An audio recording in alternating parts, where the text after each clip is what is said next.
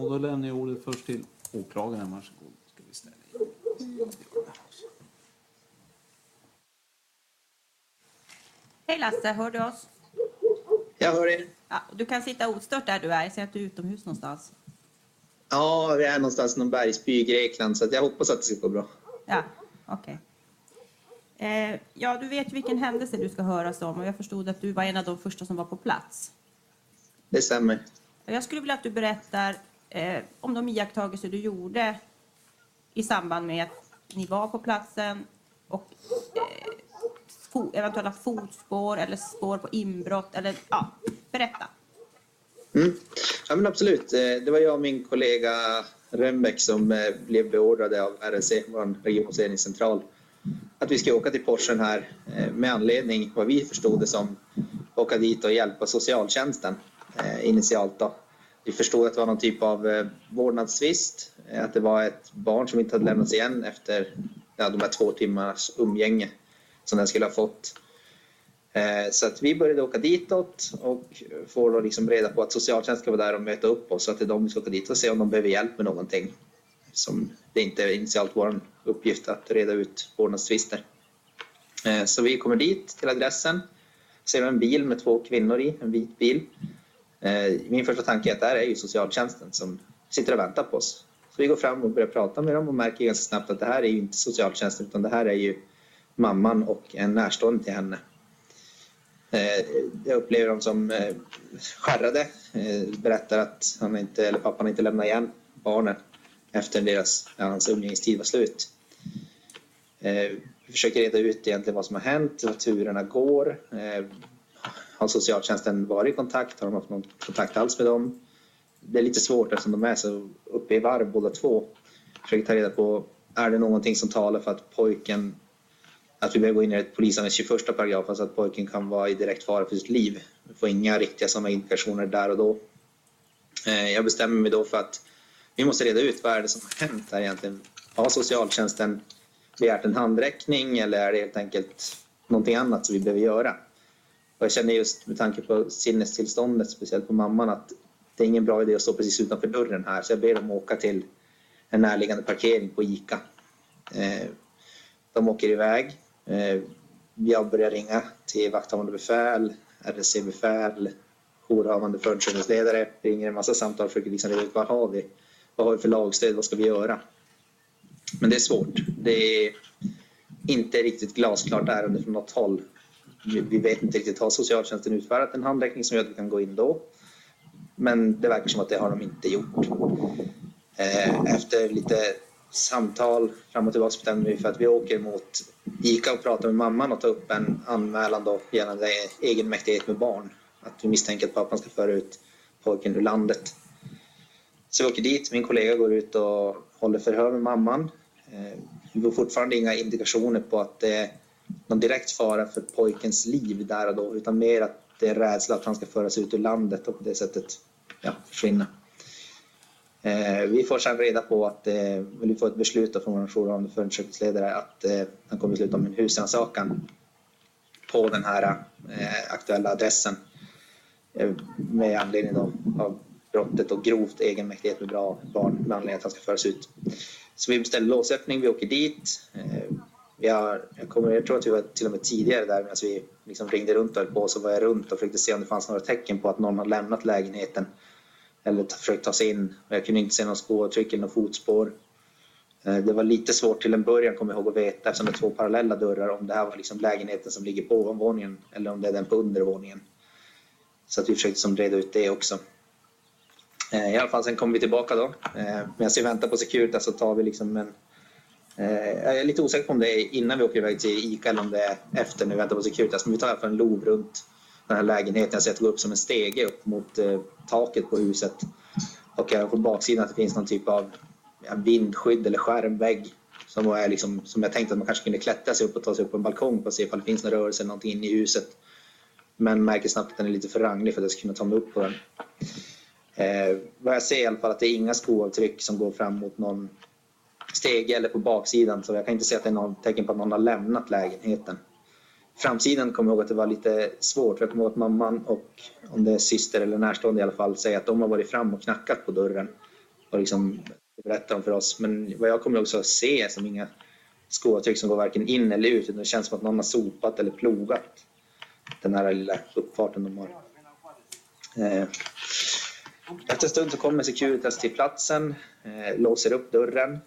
Det, då märker vi liksom att det är en liten, liten hall och sen en trappa som går rakt uppåt. Så vi tänder lampan där i trappen och börjar gå uppåt och märker direkt när man kommer upp att det är en stor blodpöl, blodspår som går in i köket och blodspår som går in mot badrummet.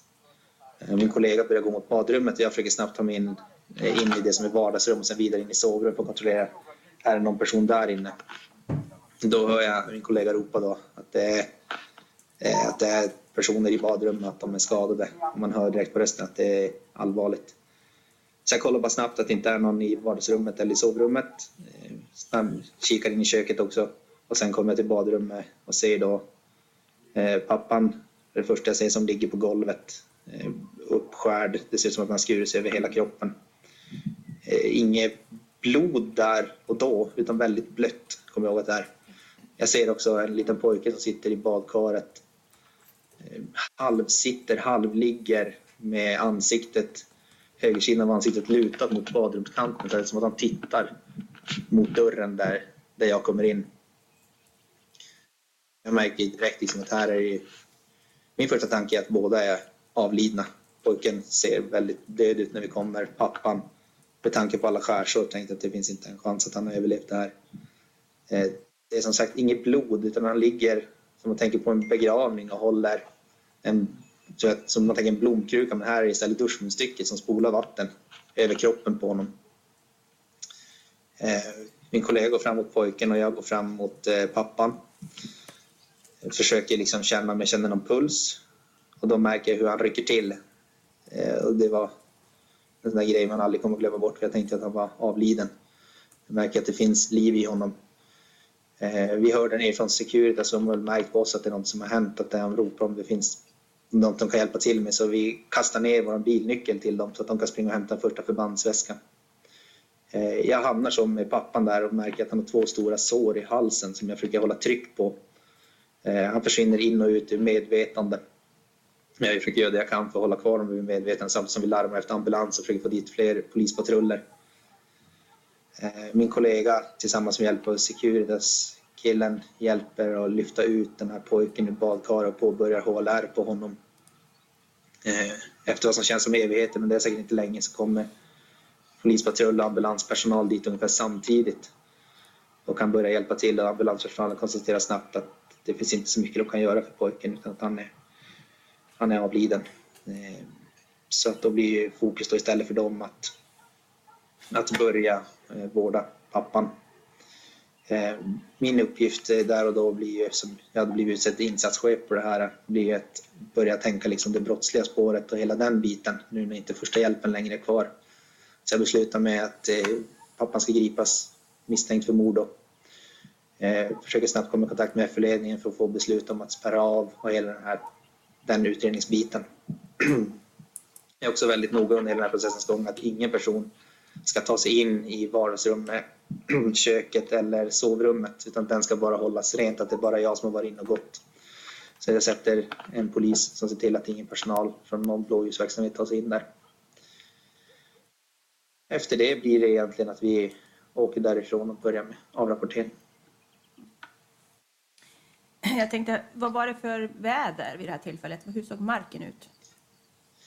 Som jag kommer ihåg, när vi började så började det ju, alltså snöa det. Och det här snöandet tilltog mer och mer. Eh, det glömde jag säga, men det var därför jag ganska snabbt tillsammans med FU-ledningen ville få ut en drönare som skulle komma ut och dokumentera platsen. Just eh, tak eh, och sånt där, för vi började ju genast tänka brottsmässigt. Liksom. Vi måste dokumentera platsen och just eftersom det var så förändligt väder så var det viktigt att göra det snabbt. Tyvärr tog det lite tid innan drönaren kom ut. Mm. Eh, du berättade att du tog dit Securitas. Var det för att, eller på, av vilken anledning gjorde du det?